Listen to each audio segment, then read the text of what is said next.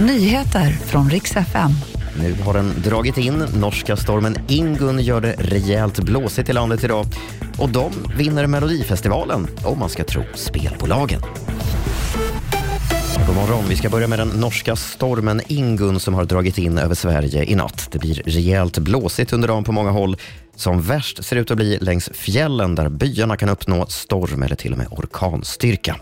I Åre uppmanas alla som kan att jobba hemifrån och i Jämtland överlag rustar elbolagen för strömavbrott. Och på flera skolor i Västerbottens län rekommenderas eleverna att stanna hemma och ha distansundervisning.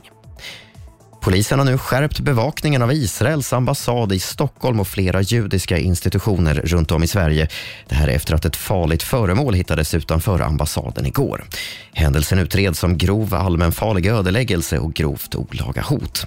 Statsminister Ulf Kristersson säger i ett uttalande att det hela är mycket allvarligt och att ett försök till attack mot en ambassad är en attack både mot de som verkar där och mot Sverige.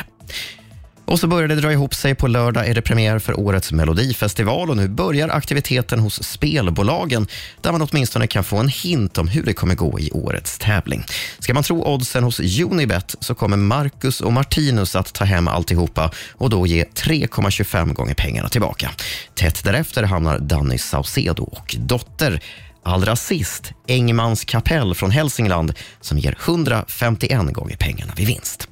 Och Det var de senaste nyheterna. Jag heter Robin Kalmegård.